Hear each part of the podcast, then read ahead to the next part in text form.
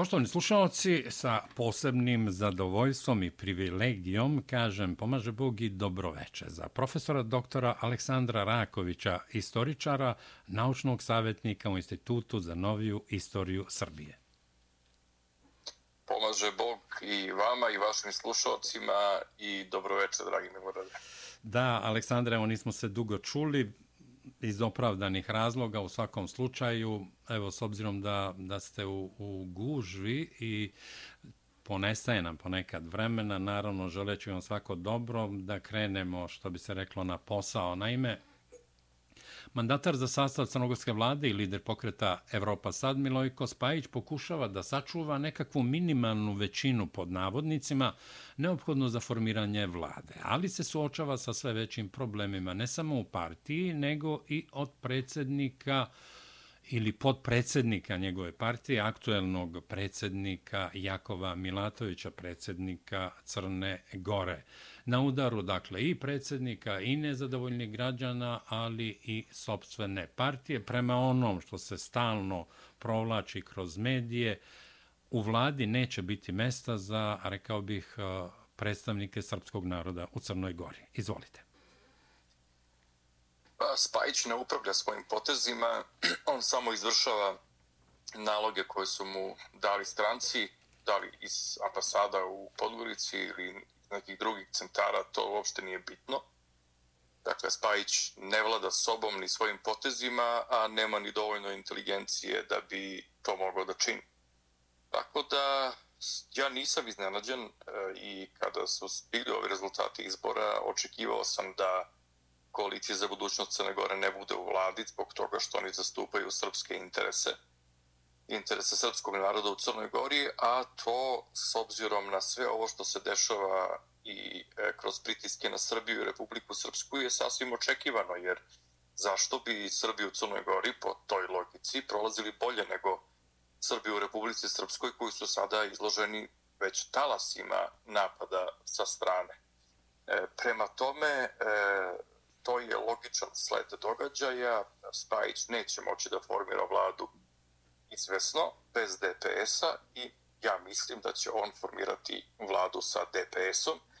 Njima je se veoma žuri zbog toga što imaju nameru da promene, izmene, da u svoje izmene i dopune zakona o popisu, kako bi onemogućili da se u novembru održi identitetski popis sa tim pitanjima. Dakle, ako bi oni došli na formirani vladu i stvorili novu parlamentarnu većinu, onda bi se taj popis održao bez identitetskih pitanja kako bi se onemogućilo da se pokaže da su Srbi u Crnoj Gori većina. Dakle, o tome je reč. Zbog toga se njima toliko žuri. Jer, e, ne da, bi... profesore Raković, oprostite samo evo jedno malo podpitanje. Prema onom što sam u proteklih dan, dva pročitao, ako bude formirana vlada ovako kako vi kažete, znači potencijalno, da će biti i revidiran ili suspendovan temeljni ugovor sa Srpskom pravoslavnom crkvom?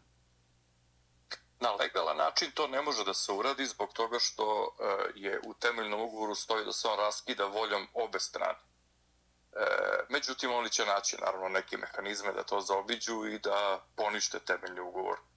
Da, to će biti e, pod dva. Pod jedan je popis, a pod dva izvesno dolazi na red temeljni ugovor. E, taj Spajić je jedan e, šarlatan e, koji e, nam je nametnut e, ne znam kojim putevima, ko je njega selektovao, ko je selektovao na kraju i Milatovića, ko je urađeno negde u Singapuru ili u Japanu ili u Engleskoj ili već gde, to su ljudi koje mi uopšte nismo poznavali i e, oni su došli sa Zdravkom Krivokapićem u paketu i evo sad e, mi imamo e, neke gorke plodove, veoma gorke plodove tih naših neopreznih poteza iz 2020. godine koje smo mi e, dobro namjerno prihvatili kao rešenja neka, a u stvari se ispostavilo da e, su i Krivokapić i Spajić bili faktori koji su radili protiv srpskih nacionalnih interesa, da se prisjetimo da je Spajić sa Krivokopićem došao u Beograd kada je Krivokopić odbio da potpiše temeljni ugovor. Dakle, e, to su očigledno Spajićevi e, neću reći stavovi, on stavove nema, ali to su očigledno naređenja koje on prima i koja mora da sprovodi. Da, profesor Rakoviću, sa druge strane, evo, pomenuli ste Jakova Milatovića, koji je, čini mi se, sinoć izjavio da bi on u vladu pozvao za budućnost Crne Gore, dakle, predstavnike za budućnost Crne Gore i građanskog pokreta URA Dritana Bazovića. Pa dobro, ajde da vidimo kako bi e, Matović mogao da utiče na većinu u pokretu Evropa sad da se to i dogodi. Dakle, ili je to samo deklarativno rečeno, a ako i nije, možda i nije, e, kakav uticaj on kao predsjednik države uopšte ima. Dakle, pod znakom pitanja je njegov uticaj kao predsjednika države. Ako on ne može da utiče na svoju partiju, onda on neće moći da utiče ni na državne procese i bit će jedna najobičnija ikebana e, kojom će drugi da rukovode. Prema tome i njegov kredibilitet je došao pod pitanje ili taj njegov kredibilitet nikad nije ni bio jasan, ali evo sad je došao pod pitanje.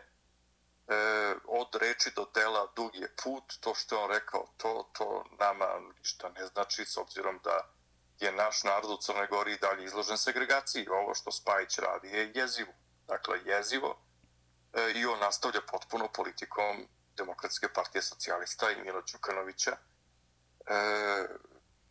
kako će se sve to u narednim nedeljama završiti, ostaje nam da vidimo, ali nisam bio optimista nikada je e, su završeni parlamentarni izbori, nisam optimista i sada i čak mislim da bi i Srbima bilo lakše da ne budu u ovakvoj vladi koju Spajić ima nameru da napravi i da s njom vodi politiku opet onu istu e, protiv srpskog naroda i oko Srebrenice, i oko Kosova Metohije, i oko Jasenovca, izvesno, i oko svih drugih pitanja koje su vrlo važne za srpski narod, ali ovo će na neki način iskristalisati e, politiku i verovatno raspolutiti pokret Evropa sad, gdje će jedan deo prirodno prići srpskim strankama, a drugi deo prirodno otići ka Đukanoviću i njegovim segregacionističkim e, pulenima koji on ima u raznim tim njegovim strukturama.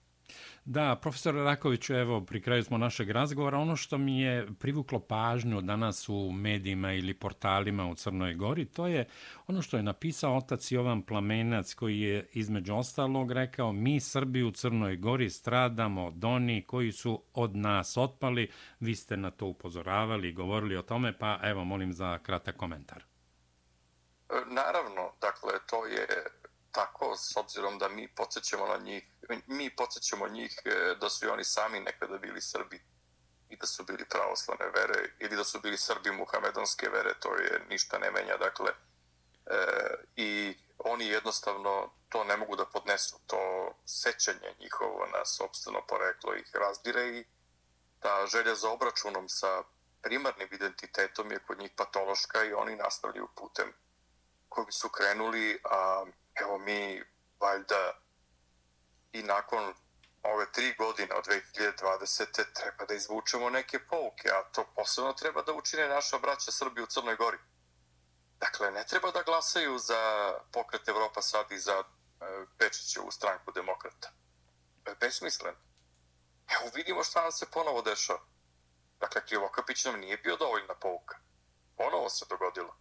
I šta sad više, kakvih filozofiranja možemo njihovih da se naslušamo, da im ne odgovaraju Andrija Mandić ili Milan Knežević ili neke slične besmislice. E, kao, dakle, to su gluposti, jer e, e šta god oni mislili o Andriji Mandiću i Milanu Kneževiću, mogu oni njima da se dopadaju ili ne dopadaju, dakle, to je tako uvek. E, te, ta struktura jedina je spremna da čvrsto zastupa interese Srba u Crnoj Gori i to je jedino što je važno. Jedino što je važno i Važno je takođe da su Andrija Mandić i Milan Knežević prvi primili udarce DPS-a na sebe zajedno sa srpskim narodom i srpskim strankama u Crnoj Gori, a da je udarac na Srpsku pravoslavnu crkvu sledio tek kasnije. Da. I čudno je da se Srpska pravoslavna crkva ne oglašava tim povodom. Dakle, čudno je da se Srpska pravoslavna crkva u Crnoj Gori drži pasivno. I to pasivno oko pitanja koje su identitetska pitanja. Nije ovo dnevna politika, niti ovo e, ovaj segregacionizam nad Srbima, niti ne, popis e, koji može biti pod znakom pitanja, nisu dnevna politika, nego identitetsko pitanje očuvanja e, srpskog naroda u Crnoj Gori. Da, profesore Rakoviću, oprostite, na samom kraju ne manje važno, održani su protesti i blokade saobraćajnica, mislim da je to bilo i juče, odnosno sinoć, širom Crne Gore, protestovalo se upravo zbog načina na koji se planira formiranje 44. vlade Crne Gore. Hoće li se ti protesti po vama nastaviti i šta će biti sa tim? Pa evo da vidimo, dakle, ja sam navikao na razne proteste Srba u Crnoj Gori, kao što smo svi navikli na njih koji to pratimo, ali E, vrlo je važno da ti protesti imaju realizaciju. Dakle, ne samo da se blokiraju ulice i putevi i da se onda kaže zbog turističke sezone mi da posle sat vremena blokade stanemo. Znači, nema veze turistička sezona, nije bitno turistička sezona. Dakle, bitno je da se dođe do cilja a e, cilj se postiže tako što se protest e, jasno usmerava ka tome da e, ima čvrstinu. I kada se krene u takve akcije, koje su demokratske, naravno, i s demokratskim kapacitetom, onda se ne razmišlja o tome da li će neki turista stići na plažu ili neće stići na plažu. Ili da li će ići u hotel ili neće ići u hotel. Zapravo, upravo i to doprinosi tome da se povećava pritisak na Spajića e, i e, njegove pregovarače, ne znam ni ko to pregovara, ni... Dakle, upravo je to e, putokaz kojim treba ići, a ne e, e, usvajanje želja, ne znam već kome, da zbog turističke sezone treba, ti protesti treba da budu dugi sat vremena ili, ili dalje. Dakle, ja da sam na njihovom mestu zapaseo bih e, ulice i puteve i e, tu bih e, puštao naravno hitne tako dalje, ali to bi trajalo onda danima. E, onda bi to bio pravi pritisak, ali e, očigledno da su se organizatori odlučili za ovaj e, malo labavi vid pritiska koji e, plašim se da neće biti dovoljno ubedljiv za Spajićeve mentore koji dolaze iz inostranstva, a ovaj Spajić neće osjetiti strah od privremenih blokada koje traju pola sata sat. Ali svakako želim im, želim im, ovo što sam ja sada rekao, je krajnje dobronamerno. Ja govorim kao veteran borbe e, za prava srpskog naroda i e, samo dobronamerno govorim i šaljem poruku da e, proteste treba intenzivirati, produžiti i e, ne prestati dok Spajić ne podlegne tim pritiscima, demokratskim pritiscima, a on će e, u jednom momentu početi da gubi e, samopouzdanje koje je već narušeno, a takođe počet će da osjeća i nelagodu i strah od tog silnog naroda koji se nalazi po putevima Crne Gore. Profesore Rakoviću, hvala vam što ste odvojili vaše vreme i govorili za Srpski radio Čikago. Hvala vama. Pozdrav svima.